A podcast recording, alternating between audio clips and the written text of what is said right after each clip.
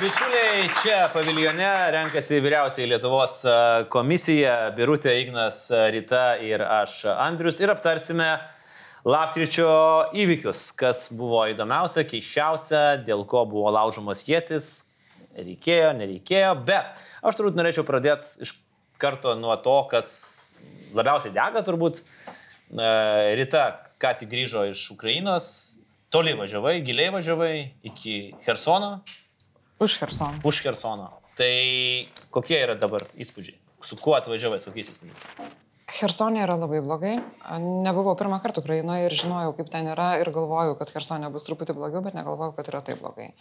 Dėl to, kad išlaisvintos teritorijos dar nėra išminuotos iki galo, yra išminuoti tie keli namai, a, kokiam nors kaime, kuriame galima gyventi tam name, yra ten koks nors daiktas panašus į stogą, galima užkalti langus. Tai va, tai kadangi nėra išminuoti a, visi praėjimai, atvažiuoja mažai pagalbos ir iš užsienio, ir, ir vietinės savivaldos, ir žmonės neturi vandens. Aš jau nekalbu apie šiltus drabužius, netu, nekalbu apie maistą, jie neturi vandens jokio, nes yra išvokti iš grėžinių siurbliai, yra išvokti generatoriai, nes nėra elektros ir jie negali vandens pasimti iš šulinių.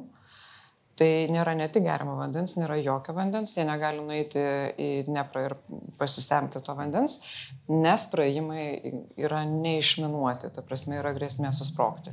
Tai va taip atrodo gyvenimas. Ta prasme, žmonės neturi ką valgyti, neturi ką gerti, neturi ką apsirengti, neturi vaistų ir laukia pagalbos. Ir be to visą laiką girdi apšaudimus. Pačiam Kersonė mieste tu ištisai girdi kanonadas. Tie, kad jie yra pripratę, jie gyvena su tuo, kad girdi ir skaičiuoja, sako, aha, čia gradas, čia tas, čia nas. Mm. Ir, ir tas nepasikeis, kol Rusija nebus arba nustumta bent padoro, per padorų atstumą, o turint galvoje, kad jų ginklai gali šaudyti tolimo atstumu, tai vadinasi, jinai turi būti tiesiog pribaigta.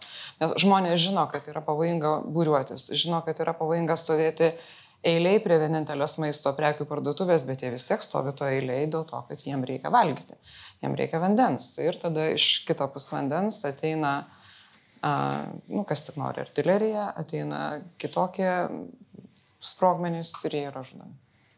Tai va taip atrodo ten gyvenimas dabar. O ką, ką sako Ukrainos pareigūnai? Ką, Ukrainos jų planas? pareigūnai, jie, jų planas yra nustumti rusus toliau, kad žmonės būtų saugus, jų planas yra turėti oro gynimo sistemą, nes Rusija tikrai nenusto šaudyti, ten jie šaudo kiekvieną dieną, jie samoningai šaudo civilius žmonės, jie samoningai naikina jų galimybę gyventi, naikina jų šansus nesušalti, naikina uh, galimybę gauti maisto ir vandens. Gerai, o tai evakuacija nėra variantas? Evakuacija yra variantas ir jinai vyksta, tačiau bėda yra ta, kad nėra kuo evakuoti. Ten sunku yra pravažiuoti, keliai nėra labai geri. Ukraina, Hersonas neturi tokių autobusų, kurie būtų patogus senyvo amžiaus žmonėms evakuoti. Ten yra daug vyresnio amžiaus žmonių, nes su mažais vaikais jau dauguma yra išvažiavę. Ten yra tiesiog neįmanoma būti su mažais vaikais arba kūdikiais. Bet mes jau neatsimenam tų autobusų, kaip tai atrodo, kai važiuoja autobusas ir visi langai yra a, aprasoję, dėl to, kad jie yra seni, blogi ir visokie tirtantis. Tai pavyzdžiui, šaulė buvo tokia Hersone lietuvė, Milda Goštuotaitė. Tai jis su savo kompanija nuvažiavo iš Hersono iki Lvivo, kas yra apie 15 valandų kelionė, nes žinojo, kad ten yra kitas lietuvių autobusas, pasiskolino tą autobusą, prikrovė jį pakeliui paramos, atvarė į Hersoną ir paliko jį evakuoti žmonėms. Plus tie evakuojamieji autobusai irgi būna apšaudomi. Tai tas irgi dar yra variantas. O kiek jūs laiko buvote tenai? Kersonė mes, pačiam Kersonė tu neturi kur nakvoti, nes mhm. viešbučiai neveikia, nepaisant to, kad bookingas siūlo užsibukinti ir šiandien aš dar gavau pasiūlymą įvertinti e, viešbutį Kersonė. Tai tiesiog dvi naktis nakvojam maždaug 50 km nuo Kersono ir tu tada važiuoji ir grįžti. Tai pusantros paros, taip grubiai, pačiam Kersonė, Ukrainoje daugiau. Tai patikai kokį nors apšaudimą, oro pavojų, dar kažką. Nuolat. Tiesiog nuolat. Nuolat? Taip, arba šaudo, arba oro pavojus, arba šaudo, arba oro pavojus. O vietiniai pripratę aš tai suprantu. Vietiniai yra pripratę. O taip, jūs? Taip, mes, nu kaip, pripranti. Ir kai sustojom nusifotografuoti prie Antonovkos tilto, to į, į Krymo su, su, subombarduoto, tai taip pritupi, žinai, ir sakai, gal selfiuką ir tada ukrainietis sako greitai į mašiną, durniai. Nu, ta prasme, kad nėra gerai taip daryti ir nėra gerai rizikuoti. Bet žmonės yra pripratę, jie gyvena pirmose aukštuose, jie gyvena rusiuose ir tarkim, kai aš pasakiau, kad bišk nerandam čia viešbučio, tai gavau žinutę, žiūrėk, viskas ten yra gerai, kambariai bus prišildyti, bet žinau, kad yra prie pat Antono Kostilto, nu biški šaudo, bet šiaip viskas tokiam sąlygom yra normaliai. Svarbu, kambariai prišildyti. Na, vandens nėra, vandens reikia iš kažkur gauti bakiukuose, bet kambariai prišildyti. Nu, prišildyti tai čia žinai. Pagal jų standartą, pagal jų įprastinius standartus. Mes visi peršalom. Tai mm. Kažkaip taip. Gerai, pakalbėkime apskritai, gal, kas, kokia situacija, kaip jūs matot, ką mes matom mm, fronto linijose lapkritį. Kankinimą. Kankinimą žmonių sušalti, vakarytė sako sušalti, likti be vandens, elektros ir kitų dalykų pilni socialiniai tinklai visokių vaizdų, kaip ukrainiečiai bando išgyventi, nukelti savo upą, gamintis makaronų sąlygomis, kai neturi vandens, nežinau, receptus žaidžia tik tokia net yra ukrainiečiai. Tai iš tikrųjų tas įkvepia šiek tiek, kad žmonės ieško tokių fainų dalykų, bet, bet jo, kasdienybė tai baisi. Ir galų galegi tą dieną, kai visa pasaulio žiniasklaida, bent jau ypač pas mus čia supanikavo, kad tuoj kariausim, Latvijos reikalų ministras, tai man atrodo, jau buvo pasiruošęs su Rusija kariauti. Jis visada pasiruošęs. Jo, jis ten kažkaip visiškai pirmasis pradėjo kelti karą, tai, tai, bet nesvarbu. E, ir kai tos dvi raketos pataikė į, į, į, į Lenkijos teritoriją, tai tą dienągi buvo, nu, šiaip iš tikrųjų rekordinis e, bombardavimas Ukrainoje, bent jau Ukrainos duomenimis. Tai, nu, akivaizdu, kad niekas e, nesustoja, niekas nėra taip, kad galbūt mes jau pavargom, pamiršom, bet ten toliau vyksta baisus dalykai. Ir tas planas, kurį kažkada dar vasarą diskutavom, kad e, bus tikslas iš, e, sušaldyti žmonės, išlaukti ir panašiai. Nu, tai jo, tai visais būdais rusai stengiasi, vis tiek nėra prasmės vakarams kažką įrodinėti, tai visais būdais bando palaužti žmonių valią gintis. Bet jie nepalauž, va šito jie tikrai nepalauž. Bet jie, tas yra gerai. Jie išžudys, jie, žmonės mirs nuo lygų, įvairių, ne tik tai nuo ten paštamtų peršalimo, bus ir antisanitarijos dalykų, ar ne, bet jie tikrai nepalaužtų žmonių. Ta prasme, reikia matyti, kai moteriškė, kuri devynis mėnesius nekalbėjo su sunu, nes bijojo su juo kalbėti, kad jo neišduotų, kuri negalėdavo užlipti savo namą antrą aukštą, nes namas yra gana aukštas, jinai pragyveno Rusiją ir jinai teoriškai ne, ne, negalėjo, bet jie lipdavo. Ir kadangi iš to jos antro aukšto matosi rusų pajėgų judėjimas, jinai skaičiuodavo dalykus ir paskui sakydavo, uh -huh, turim tiek kreušių, turim tiek ten obolių ir viso kito. Ir ta, nu, kaip tu ją gali palaužti? Niekaip tu jos, tu ją gali užmušti, bet tu jos mhm. nepalauši. Ir jų yra daug ir jie, ir jie yra tokie. Aš tai irgi tikiu, kad ukrainiečiai nepalūž, bet aišku, tas toks artėjant žiemą, ypač tos dienos, kai buvo rekordinis raketo apšaudimas, rusų elgesys nu, iššaukė vėlgi ir tarptautinę reakciją, kai jau Europos parlamentas pripažino Rusiją. Ne tik Lietuvos parlamentas, sakykime taip, bet ir Europos parlamentas pripažino Rusiją kaip teroristinę valstybę.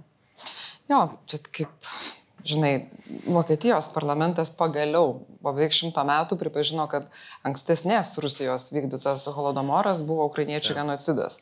Tai kiek dar reikės metų, kol supras, kad dabar daro, nes dabar daro tą patį. Iš tikrųjų yra kryptingas ukrainiečių tautos naikinimas. Ką patys ukrainiečiai sako apie, pavyzdžiui, ateinančius du mėnesius? Koks, koks yra keliamas tikslas, galbūt ką sako, nežinau, ar žmonės, ar kariškiai pareigūnai, kok, kokie yra, nu, ką, ką jie gali viešinti, aišku. Visi sako, kad ištversim, žmonės sako, iškentėsim, kariškiai sako, turėsim daugiau praradimų, nes nu, visi žino, kad puolant tu prarandi daugiau negu gindamasis. Ir jeigu iš trijų tankų tu prarandi vieną ir skaičiuok, kiekvienam tankiai yra įgulos, tebūnė jinai nebus pilnai sukomplektuota, vis tiek tai bus apie nu, trys žmonės, ar ne? Mhm. Tai yra žiaurus nuostoliai. Ir taip pat sako, tikrai, nu, ne, ne šiaip eiliniai kariškiai, kalbėjom su, su vienos, su tankų brigados bataliono vadu, jisai sako, jeigu Rusija dabar iš tikrųjų kariautų su NATO kariuomenė, tai jinai jau būtų pralaimėjusi. Dėl to, kad, aišku, jie labai stengiasi, tačiau Ukrainos kariuomenė, nu, būkim tiesus ir atviri, tai nėra NATO standartų veiklos kariuomenė. Jie labai stengiasi, bet kaip jie patys sako, mes mokomės mūšio laukia. O NATO kariuomenė jau yra išmokyta ir jis sudaužytų Rusiją labai greitai. Tai ukrainiečiai puikiai tą supranta, jie žino, kad daug jų žus, bet jie taip pat žino, kad jie nepasiduos ir, ir aš tikiu, kad jie tikrai, tikrai veiks. O ką tu pats galvoji? Aš galvoju, kad iš to, ką aš matau, yra labai daug kalbų, bet atrodo, kad yra tas išalas, absoliutus išalas fronte. Ir kiek suprantu, ukrainiečiai neturi dabar didelių tokių optimistinių iliuzijų, kad pavyks nustumti rusus. Rusai yra užsitikrinę ties vienu miestu, jiems dabar Bahmutas yra kaip, nežinau, Kijevas čia ir, ir, ir ne ką mažiau. Ir kiek aš skaitau Rusijos propagandos, tai viskas yra susiję dabar su Bahmutu. Absoliučiai viskas. Jau ten tuoj, tuoj žengs pergalingo į mūsų nenugalimoji armija. Visa kita eina kažkaip nuėjo į antrą planą. Neįžengs, žinau, neįžengs tas aitas. Ne, nu tai kad net ir įžengs, tai, nu, tai ir ką tas bendram karo fonetas duoda, realiai nieko. Mm, jo, bet iš tikrųjų man baisiausia yra, kad, nu, ta prasme, nustums juos kažkiek, tikrai nustums, bet tai nekeičia esmės, kol Ukraina neturi ilgojo nuotolio, tokio ilgumo nuotolio ginklų, kaip kad turi Rusija. Nes vakarai sakys, ai, negali, aha, Rusija jau čia sutiko nebešaudyti ir jie kitą dieną šaudys. Mm. Nes jie tokie yra. Gerai, pažiūrėkime, kokios, kokios kitos temos dar buvo. Uh, Labgirdį Birutė, kas tau įstrigo? Apie ką tu norėtum pašnekėti? Nu, dabar aktualiausia tema tai yra, yra Financial Times straipsniai. Mhm. Ir, nu, gal net ne straipsniai, aš šiaip tai matau tokią labai daug piarinio dabar bandymo nukreipti dėmesio nuo temos, nes tema tai buvo apie tai, kaip politikai iš principo klaidino visuomenę, meluoja tikriausiai būtų per stiprus žodis, bet klaidino visuomenę ir manipuliavo rinkėjais. E, netgi juokingai iš tikrųjų, sakydami, pasižiūrėkit, kokie mes faini, kaip apie mus parašė gražiai Financial Times ir po dienos paaiškėjo, kad nu, ne visai taip, kad jūs labai faini, o dėl to, kad jūs sumokėjot.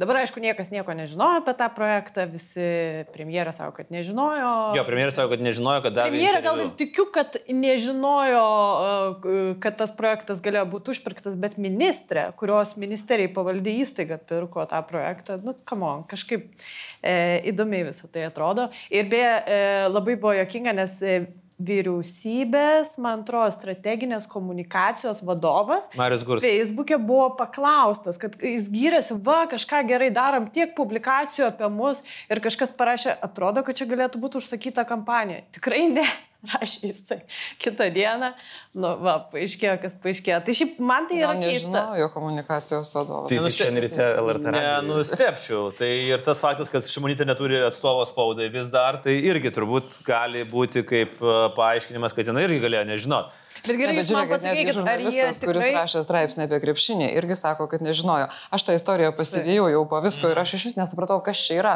Žiūrėk, kas čia yra? Nu ir ką? Parašė Financial Times apie Estiją, visą gyvenimą tai prašo, perka ir, ir dabar aš jau kai vėjuosi, tai pasirodo ir žurnalistas nežinojo. Tai aš nenustepčiau, kad kai kas, kurie kalbinti buvo, irgi bet nežinojo. Man, šita, man, kadangi čia yra visiškai nulinė istorija pagal svarbą šiaip bendram kontekste, bet kas taip, taip. yra įdomus momentas, aš vis tiek nesuprantu logikos. Čia yra toks high risk, low reward. Ta prasme, gal... Nu, nemanau, kad čia yra low reward. O koks čia yra low reward? O, Kur nu, čia yra high reward? O tu kalbėjai su kuo nors, kas perskaitė tą ir pagalvojau, wow, kokia faina šalis yra ta Lietuva. Bet pagal... Aš ne. Ar Hebra perskaitė, ar neperskaitė, bet aš turiu menį, kad jokio skirtumo. Jeigu Hebra perskaitė ir pagalvoja, kad tai faina šalis, tai nėra blogai, kad mes už tai sumokėjome. Tai labai gerai, kad mes už tai sumokėjome. Tai aš ir sakau, perskaitė. Meluoti, ta prasme, A, slėpti. Okay, taip supratau. Jo, jo, slėpti tą faktą. Būtent čia yra, yra labai reward, nes tu nieko tai nelaimėsi. Taip, o apsišikti yra yra high risk, nes tada tu vat ir būsi tokio situacijoje. Aš ne apie patį, žinai, ja, FT, kad FT apie mus rašo, tai viskas čia yra gerai. Ir čia net nebūtų buvęs, čia net nebūtų buvęs problema. Nulinis būtų. Pasakyk, kad taip, susi... padarė kampanijos dalis. Ir nu, pagaliau netgi gal pasakyk. Nedaug galų gale. Nu, ten, žinai. Žmonėm gal paprastam žmogui čia yra gal 5-6 tūkstančių. Su kuo palyginti? Visą laiką gali palyginti su Skernelio kampanija. Šiam 6. Minus 10 kažkaip. Tai. Va, tai jo, tai truputėlį tokia man patys pasidarė savo dar papildomą problemą, kurie atrodo labai nykiai. Nu, taip, ne. Ir kai jie buvo beveik pagauti, jie visi, ne, ne, ne, čia taip nebuvo. Nes jie, kai pradėjo meluoti iš įvairių pusių, ypatingai užsienio reikalų ministerija, vyriausybės kanceliarija labai mėgo šitą sakyti, kad čia nebuvo nupirkta, dabar sakė, kad jie nežinojo, kad čia buvo nupirkta. Kai, e, nu, Gabrielius buvo su per, šiek tiek per trumpų rūbų pas Zelenskį, e, labai užsikabino viešoje erdvėje, nes jokinga tema ir taip toliau, ar ne? Iš tikrųjų, juokinga, žinok, žiauriai. Tikrai juokinga. Kai tu žiūri ir spėsti į viešbutį iki komendanto valandos, nu, nieko nėra juokingesnio už Landsbergio treningą. Na, taip, nu, jo, aš suprantu, kad čia nieko nereikšmingo, bet aš tik tą turiu minti, kad e, vienas iš gesinimo būdų užsienio reikalų ministerijos buvo kažkokių darbuotojų, mačiau, ir e, rašė, kad, nu, tai čia dabar užsiciklino, beje, man atrodo, net tavo postas screenshotą ten naudoja, e, kad, oi, čia dabar apie mus už tai rašo Financial Times ir panašiai. Ir tą kitą dieną paaiškėjo, kad Financial Times apie juos rašo, nes jūs nu, nusipirkot reklamą. Viskas gerai, Lietuva visi pamatys Financial Times, ne, ne ūkininko patrėjų. Nu, gal ūkininko patrėjų yra gerai, bet, bet vis tiek. Ne turiu minty- mimfo, ne mimfo. Jo, jo, viskas yra super su to, bet tada tu tipo kaip ir bandai pasakyti, kad mes čia už rezultatus mus uh, vertina. Bet ne visai taip. Nu, ta prasme, ne taip yra. E, Tiesiog tu nusipirki šį savotišką reklamą. Kas irgi galbūt yra ok, bet, bet nu taip. Nežinau, jeigu mes jau kalbam apie Lietuvos įvaizdį ir minėjimą, tai mes jau tiek gavom šiame reklamos, kad uh, už, taip. nie- už nieką. Tai Lietuva dar tiek nėra gavus reklamos bendrai. Ir jį patys, bet jie pati kanceliarija, ta pati- tas pats Marius, yra suskaičiavęs, kiek Lietuva gavo nemokamos reklamos. Tai kodėl jie čia nusprendė įsišauti? Nu, va, jie sugeba. Šita kompanija sugeba įsišauti į koją lygio vietą. Mhm. Bet šitas, kaip ten jo titulas yra, Marius? Gursko? Jis nėra. Strateginės šioks, jis komunikacijos seniau, Jis yra paveldėtas, man atrodo. Tai, man atrodo, jis yra, jis yra paveldėtas iš labai daugelio vyriausybių. Va. Jis yra, man Tai, atrodo, iš Butkevičiaus vyriausybės paveldėtas. Kokių Nes jis yra tas, kuris klausimų? sėdi ir krančina duomenis iš principo ir Google. skaičiuoja, Google kiek laiko buvo, buvo, kiek kartų buvo paminėta Lietuva. Ir va dabar. Ne, neturime šio auditoriją, ne? Jis labai čia didelis laisvės tave gerbėjas, tai bent jau iki šiol buvo, bet jis pats supranta, manau, kad jie prisidirbo nesąmonės, kurios iš tikrųjų nėra turbūt labai svarbios ir turbūt jau rytoj po ryto turit pamiršti. Tai jo, aišku. Tu nepamirši šito? Ne, nesakau pamiršti, tikrai aš dėl to. Nu, Ne, tai čia, žinai, kaip ir, nu, visi šitie absurdai, tai yra jo, tai yra ir Financial Times, ir Landsbergio treningai, ir, ir Kalėdų Eglutė, ir, ir Majauskas, nu, jie nieka, nie, niekiniai yra, ką rytas sako. Tai, tai yra bairis, kuris gali būti, žinai, nu, vat vienai dienai, truputį Bet nuimti. beje, kal, e, prisimenant Kalėdų glutę ir šiek tiek grįžtant prie Ukrainos, tai buvo nu, visiškai absurdiška Facebook'e žiūrėti, nes tą pačią dieną, kai Ukraina buvo apšaudoma rekordinių raketų kiekiu, Ir e, holo- visas Facebook'as diena minima. Taip, buvo. visas Facebookas piktinosi tiesiog, nebaigta kalėdinė eglutė Vilniuje. Tada nukrito dvi raketos Lenkijoje. Buvo. Visi taip biški sustojo ir biški durnai, man atrodo, pasijauti, nes gal čia trečias pasaulinis toj koks. O tokia nu. Ir tada, tokia ir ir tada visi per akimirką tapo NATO žinovais, šeglučių žinovais ir nusprendė, ką turi daryti NATO, kad NATO yra iš viso labai skisti, jie nieko nedaro ir taip toliau, ir taip toliau. Nu, vis klasika, kaip visada. Bet aš turiu galvoje, kad eglutės žemimas Vilniuje buvo parinktas irgi, nu, tokią dieną, kur trupučiuką gėda. O žinai, kas dar biški buvo, man labai liūdnai, nu su visą daromą pagarbą tam renginiui, bet e, kai e, vedėjai sako, na dabar pasimkime telefonus, pašvieskime visi dangų ir taip būkime solidarus su Ukraina, kuri neturi elektros. Ir kuri neturi. Mes jiems tipo į veidą rodom, mes turime elektros ir jie švaisto more. Ir mes ten net su elektra, su baterijom, tai, Bet, nu, jo, jo, telefonai, taip, taip. tai net ne, kaip principė, kaip ir. Tai aš galvočiau, gal solidarumas tada išjunkim eglį, išjunkim visi pastovėkim tamsoj, okei, okay, gal kažkaip suprasčiau, bet tu solidarumas su žmonėm, kurie neturi elektros, apsišvieti save labiau. Aš kurie neturi telefono ryšio, kurie turi eiti tas, žinai, ne, nepalūžiamumo Jo, o, stoteles, kad jie galėtų paskambinti. Jo, čia kas režisierius buvo? Nežinau. Jo, bet aš negalvoju, kad kuo toliau, tuo daugiau tokių prokolų bus, nes yra dešimtas mėno ir solidaru, solidarumas su Ukraina pradeda, nu, įgauti tokias truputėlį, nesakyčiau, kad farso formas, bet uh, nu, groteskas. Groteskas turbūt taip. darosi. Žinai, ir aš manau, kad tai yra dar ir dėl to, kad tai yra, nu jo, dešimtas mėnuo. Tai Va, ryta grįžta, parveža naują, naują įspūdžių rinkinį iš, iš Hersono, žinai, bet nu, jau yra tapę turbūt visiškai tokiu rutina. Ir, ir, ir net ir tie apšaudimai masiniai, jie irgi jau yra, mano galva, rutina mums. O ką jau kalbėti apie... Ne, iš tikrųjų, masiniai apšaudimai nėra rutina, jie rudenį prasidėjo tik tai. Tai aš kaip ką noriu pasakyti, jie jau tapo tris- pakankamai greitai. Jo, per tris rutina. mėnesius, žinai, tai kažkaip sunku suvokti, kas, kas su mumis yra negerai. Nu, triukšmo daug yra labai aplinkui. Nu, aš tai, žinai, nežinau, ar tai, nu, tu negali dešimt mėnesių gėdėti. Tai nereikia gėdėti, reikia protą įsijungti tik tai. Nu, čia tu labai daug nori. Jo. Jau tu čia jau dabar jau, jau žinai. Nu gerai. Fantastika antram skyriui. Nu, norisi iš, išsikrauti. Man tai, žinai, čia toksai, man tai panašu buvo šitas kelios dienos paskutinios į pandem, postpandeminį periodą, kai visi jau pradėjo visiems stogas važiuoti ir jau dėl visko. Ir aš galvoju, gal čia, nu, dėl ko toks reidžas?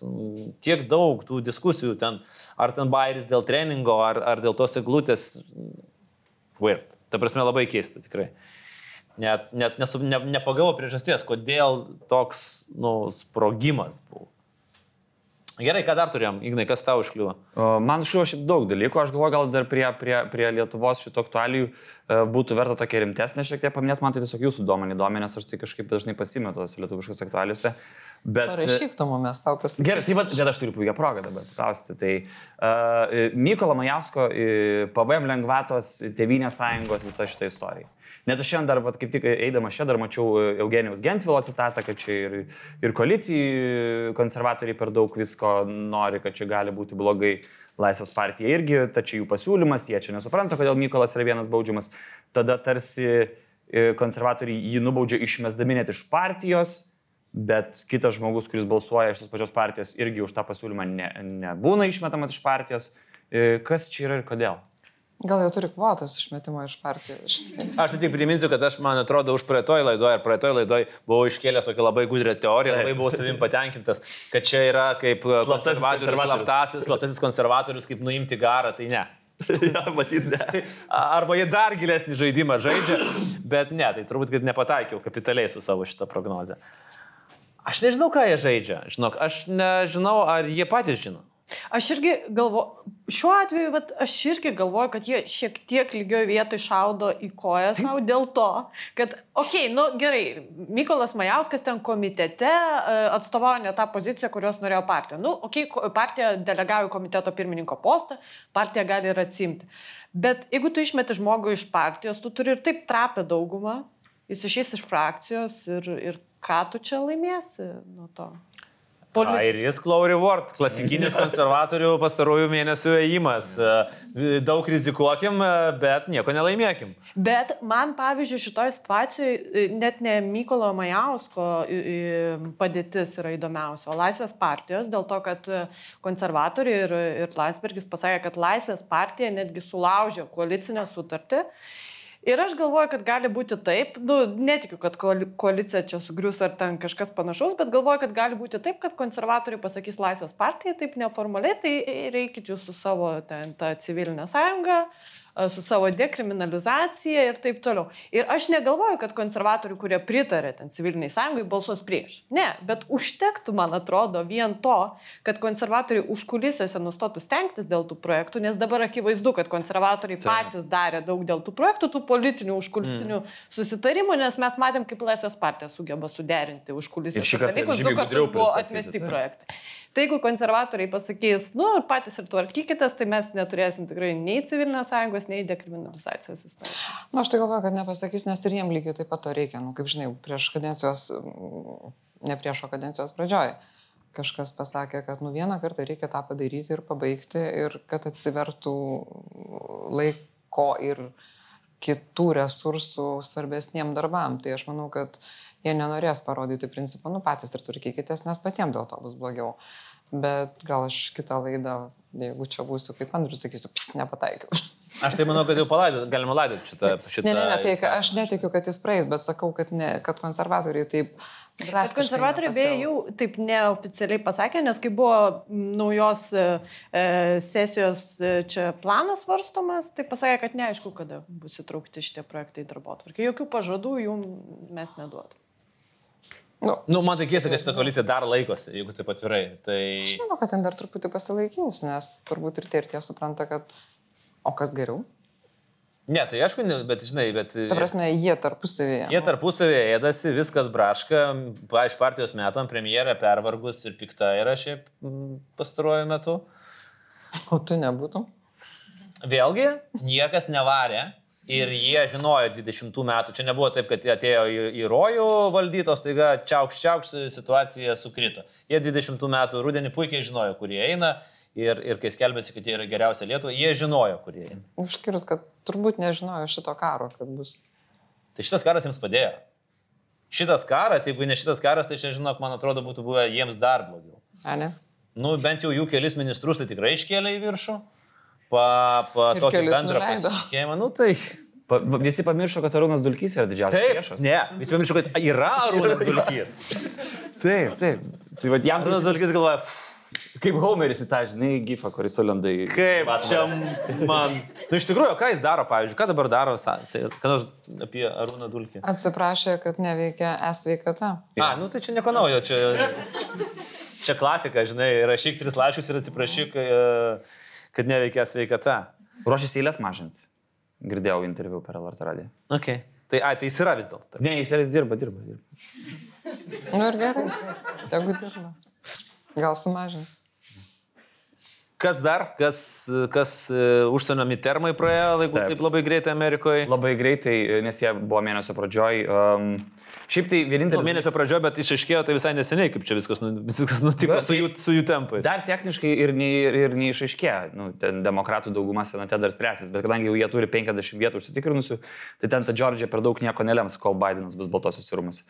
Um, ką dar? E, Garsioji, jeigu sekate, tos sekate rinkimus, jungtinių valstybių politiką, pasaulio politiką arba medija šiaip mėgsta bet kokią vakarų, tai ten visur buvo kalbama apie raudonąją bangą, o vėliau buvo kalbama apie ups, kur dingo raudonoji banga. Tai turbūt vienas iš esminių dalykų e, tai yra, kad e, tai buvo stiprus smūgis Donaldui Trumpui, nes visi jo rimti kandidatai arba didelė dalis jo labai palaikytų kandidatų patyrė pralaimėjimus, patyrė pralaimėjimus pakankamai, kurios turėjo galimybės laimėti, atrodytų e, teoriškai turėtų galimybės laimėti. Ir tos netrampistinės jėgos laimėjo, trampistinės jėgos pralaimėjo, pavadinkime taip. Ir net nusisuko nuo jo net pats uh, Rogeris Silesas uh, ir, ir, ir, visa Fox uh, grupė. Uh, jeigu New York Post pradėjo kitą dieną, kuri priklauso Fox grupiai, uh, pradėjo ir taip pat Fox News uh, jau kitą rytą pradėjo kalbėti apie tai, kad, nu tai visgi Trumpizmas čia nebesąmonė yra, jau čia nevykėlis buvo Trumpo karikatūra, ant, ant sienos besituštinančio. Bet svarbiausias dalykas tai buvo, kai Donaldas Trumpas paskelbė, kad jis jau kandidatuos 24-aisiais į prezidento rinkimus. Tai New York Post, kuris buvo vienas pagrindinių jo leidinių, kuris palaikė jį, buvo tiesiog, uh, kur yra viršelis, apačioje, gaila, vat nepagalvojau apie nuotrauką, apačioje maža eilutė, Florida man announces something, 26 puslapį. Bet čia jau įžeidimas? Taip, čia jau yra Čia jau įžeidimas. įžeidimas. Ir čia toks geras, Florida man. Florida man, Maralago. Jo, ir- Na nu, gerai, klausyk, ištrauk savo a, krištolinį rutulį. A, 23 metų pabaiga, nu, Taip. e, ten 24 pradžia, kada jau paaiškėja kandidatai.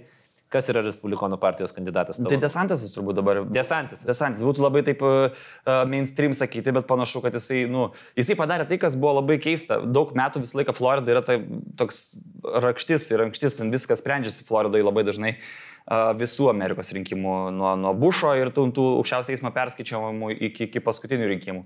Bet Desantis pavertė pastaruoju metu su savo jėga Floridą padarė vadinamąją nebe violetinę valstiją raudoną. Iš esmės, respublikonai gali Floridą skaičiuoti visą laiką, tai yra trečia pagal rinkikų skaičių valstija. Bet čia labiau klausimas turbūt yra, ar, ar a, Respublikonai nustums Trumpą. Tai va, jo, nes ta jų rinkimų sistema yra vis tiek, jis jeigu savo bazę tokią surinks, kurie labai aktyviai važinės po visus primarius, tada jo, tu gali iš tikrųjų, nes ten labai liberalus balsavimas primariuose dalyvavimas. Tai nežinau, bet turbūt respublikonai Eik tu. turės desantęs, o demokratai... Nežinai. ar- O ką demokratai turės, aš nežinau. Nebūčiau veikinas pagačiausias, gal geriau galėčiau e, prognozuoti, bet šiaip tai negaliu.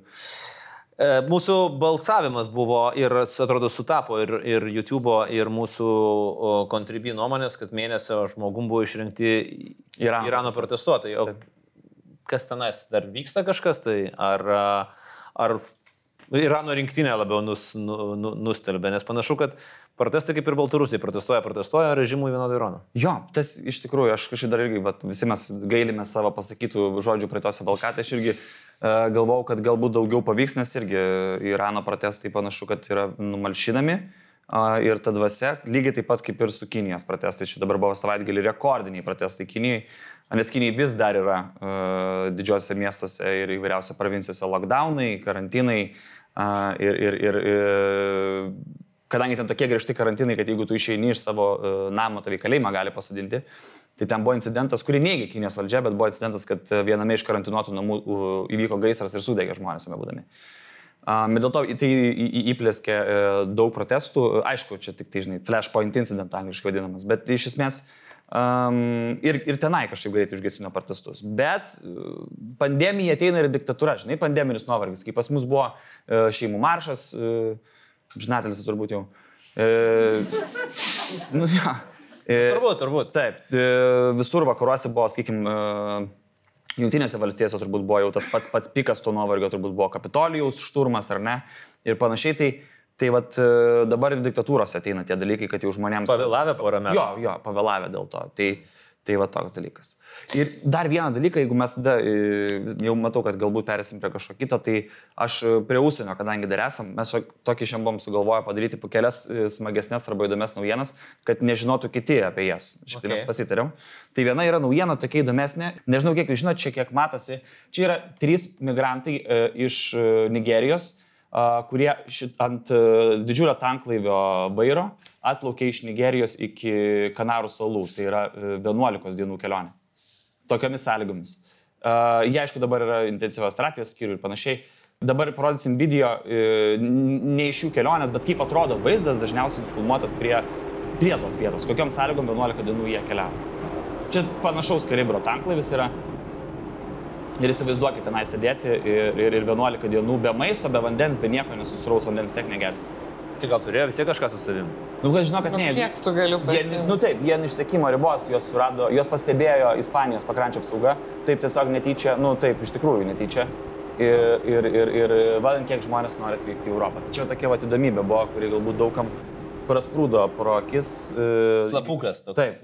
Gerai, paskutinė tema, kurią pasiūlė mūsų kontribį, uh, buvo toksai pasiūlymas sureaguoti į įvairias sociologinės apklausas. Mhm. Paskutinė, kurią gerbiamas Ignas Veigelė parengė su Sveikatos teisės institutu, ten buvo, uh, ar yra padaryta žala per pandemiją ir ar reikia bausti.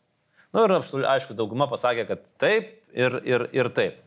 Ir po to Gaidys aiškinosi, nu jis yra Vilmorus direktorius, negalvoju, čia šiaip. Aiškinosi, kad nesužiūrėjom, taip, čia klausimai nesubalansuoti, neobjektyvus, nesužiūrėjom, prasprūdo ir, ir taip toliau, ir taip toliau.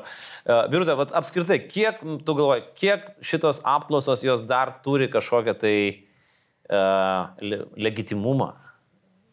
E, tikriausiai, kai buvo valstiečiai išrinkti į valdžią, tada reitingai žiauriai prašovė. Nu tikrai, nei vieni reitingai nerodė e, jiem tokios pergalės. Ir visi sakė, viskas čia yra reitingų mirtis, nes, nu, reitingai Amerikoje Trumpo neišprognozavo lygiai taip pat pergalės.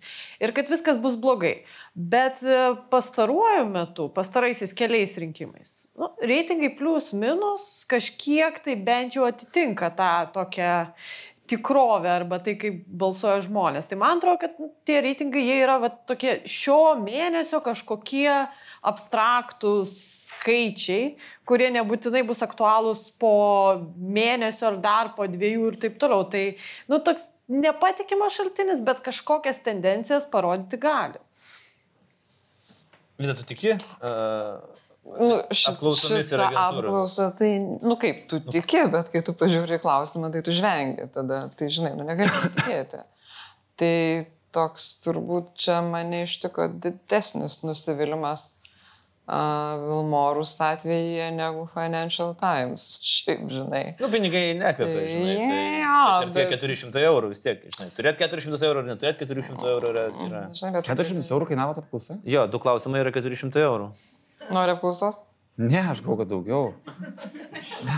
Nes, prasme, normalią apklausą padaryti, taip pat teisė. Ne, nu tai jie ta, įkiša tos klausimus į tokį, man atrodo, į omnibusą, tai yra, kur yra Taip, daug kitų klausimų. Ai, okay. Tarp dažniausiai jų- ten būna e, brangios tos apklausos ir aišku, dažniausiai ten klausimynas būna. Taip, O taip. čia tiesiog taip, pat už 200 eurų tu gali įdėti savo klausimėlį. Okay. Jeigu tu nori ką nors paklausti Lietuvos, tai gali. Sakyk. Nu, žiūrėkit, prezidentas klausė, reikia Seimo narius atšaukti kažkada. Klausė, kas turi važiuoti į Europos vadovų tarybą tautos. Nu, daug dalykų yra klausimas. Man tai gaila, gaila, kad nepriėmė Vilmorusas, kai tada e, tinklaraštininkas Rytis Zaloga norėjo, kai ten buvo po Stambulo konvencijos apie vėlgi tas Taip.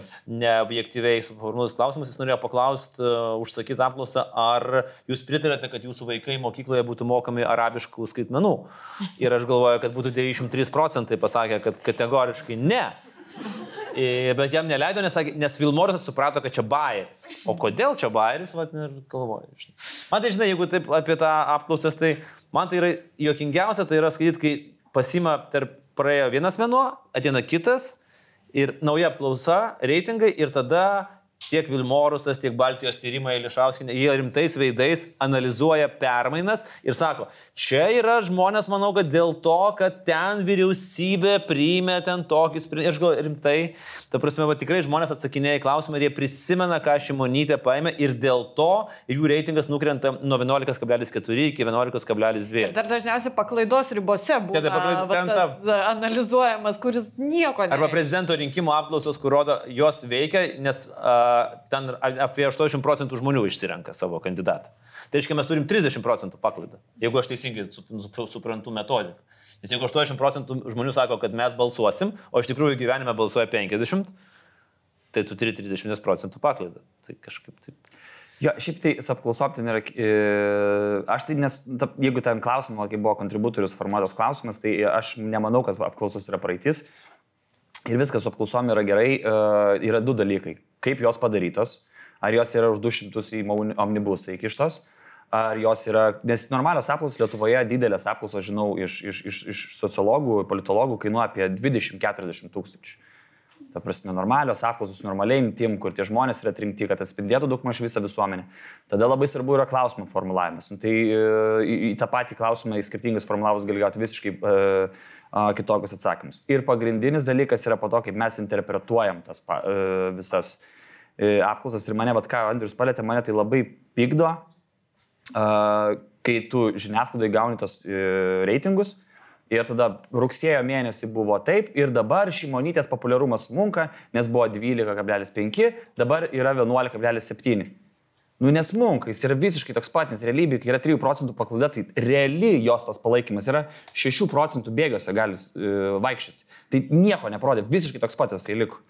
Realybėje tas jos palaikymas. Ir kai tu pradedi, ir, kai- ir žinot, tada mes kai šiais laikais skaitom tik antraštę, skaitom kažką, tai tas neatsakingas poelgis, aš labai atsimenu, anksčiau Maždas Ramskis visą laiką sakydavo, jis neina komentuoti apklausų žurnalistams, kol nesupras, kas yra paklaidos. Ir kad negalima komentuoti pusės procento pasikeitimo, kaip į pirmą vietą pakilo konservatoriai. Nepakilo.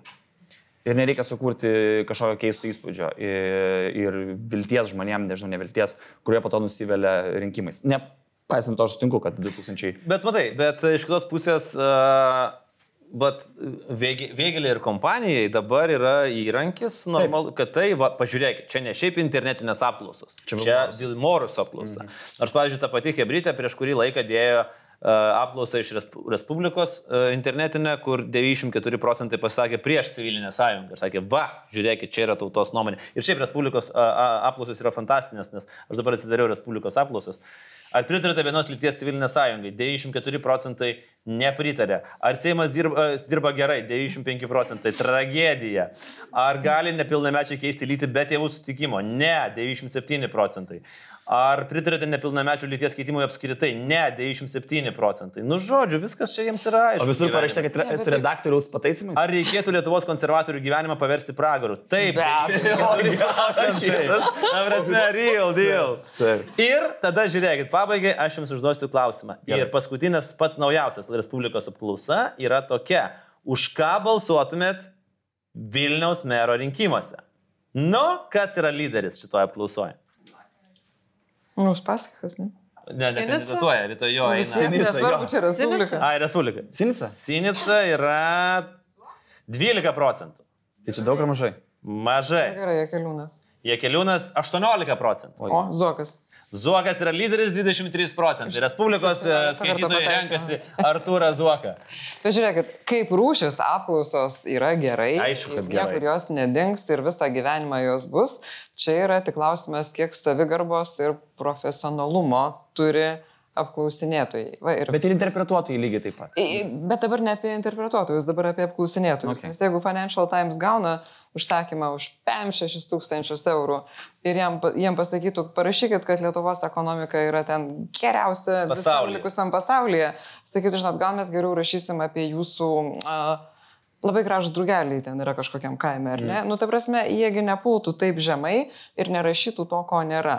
O čia sociologai pasiemė klausimą, kuris žudo jų pačių reputaciją. Ir taip jie kertasi šaką, ant kurios sėdi. Nu, nepastebėjo. Ko nepastebėjo Jis klausimą? sakė, nu, techniškai praslydo. Ai, techniškai praslydo. A, ok. Tiesiog, tai vad, Kiek pažiūrėk. Kartų? Tik du. Du Taip. kartus. Du klausimai buvo, abu, abu techniškai praslydo. Tai dar galėjo būti klausimas, ar metėt gert konjaką rytais, kuris yra šiaip sociologinis turbūt. Ir e, spardyti dėmesys. katiniukus vakarai. Gerai, a, mėnesio žmogų, žmogų pasiūlykim, ar organizaciją, ar dar kažką, birutė, ką tu turi? Aš tai turiu tokią istoriją, papasakosiu, prieisiu iki to. E, biudžetas buvo priimtas e, šį mėnesį. Ir aš visą laiką labai mėgstu per biudžetą, kai yra priiminėjamas biudžetas, nueiti pasiskaityti to pageidavimų koncepto. Oi, taip, taip. Nes ten tokių nesąmonių gali perskaityti ir tikrai gali prisijuokti. Nu ir e, ką Jūs galvojat, e, Jonas Pinskus, Širvintų rajono ligoniniai, mokyklai ir darželiui Boružėlė. Bendroji sumoje paprašė 11 milijonų eurų. Tai vad aš norėčiau pasiūlyti Joną Pinskų, nes ne kiekvieną dieną savo žmonai 11 milijonų nori paduoti. Išklenčinti 11 milijonų. Taip, bet tai parodo, kad ryšys tarp jų yra tv- tvirtas. Ta prasme. Ne dėl pinigų? Ne, nu tai tu tiek metų vedęs Nu. ir tu vis tiek dar nori žmonai padovanoti 11 milijonų eurų. Aš suprasčiau, žinai, nu, bet apie tai, tai yra meilė. O Vilniečiai vis dar laukia pabūto. Taip, ne Vilniečiai, lasdy, lasdynų gyventojai. Ai. Ten ne visiems, ten tik lasdynams buvo pažadėtas būtas 2012. Gerai, Jonas Pinskus, ok, fantastiška kandidatūra. Tikrai taip.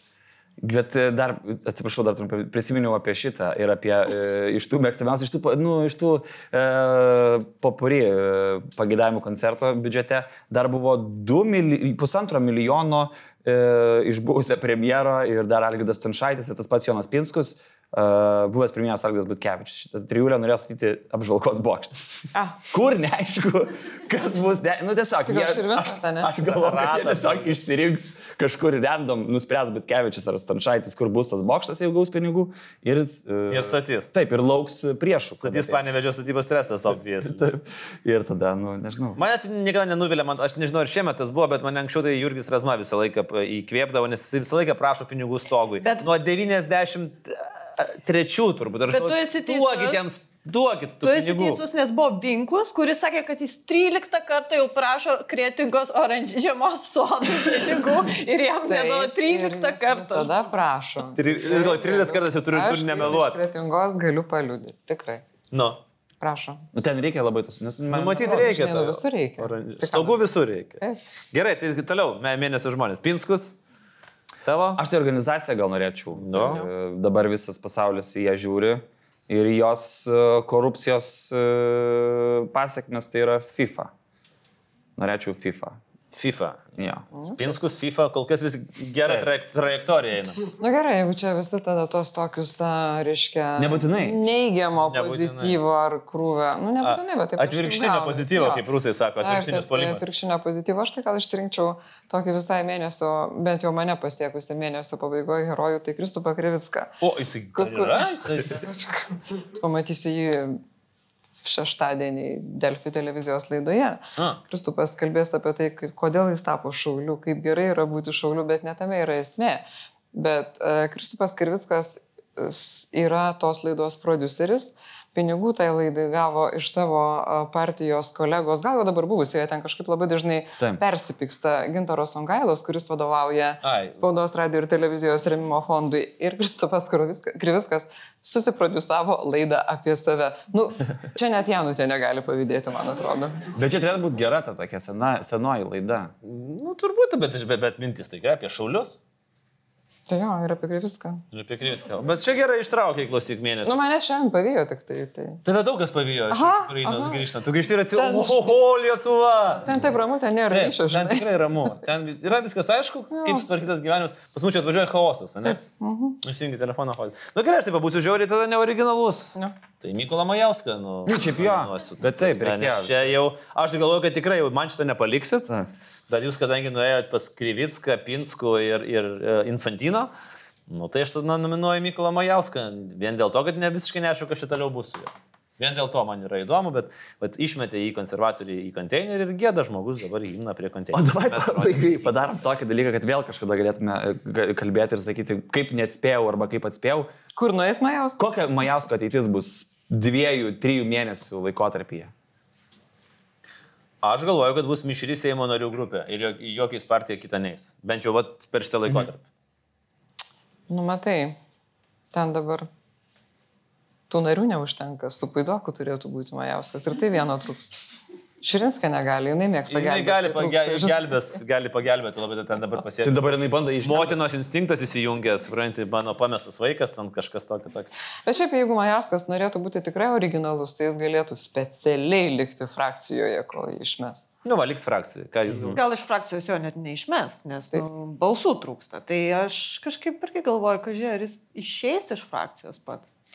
Nu, Ir tada jau yra kažkoks nesusipratimas visiškas mm. su šitą partiją daros. Tave išmeta iš partijos, bet tave lieka frakcijų, nes čia... Tai čiagi Karbauskio lygiškai viens, ten pas juos viens prie vieno būdavo. kad Partija, frakcija, tai čia, nu, čia ne tas skirtingi dalykai. Čia du skirtingi dalykai, nepainioja.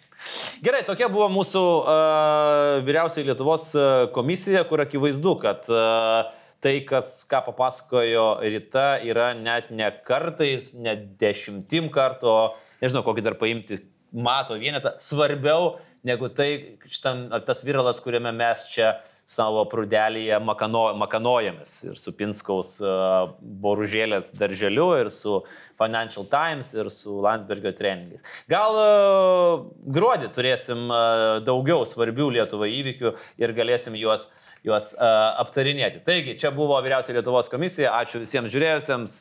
Birutė, Ignas, Rita ir aš, Andrius, likęs su Laisvės televizija. Iki.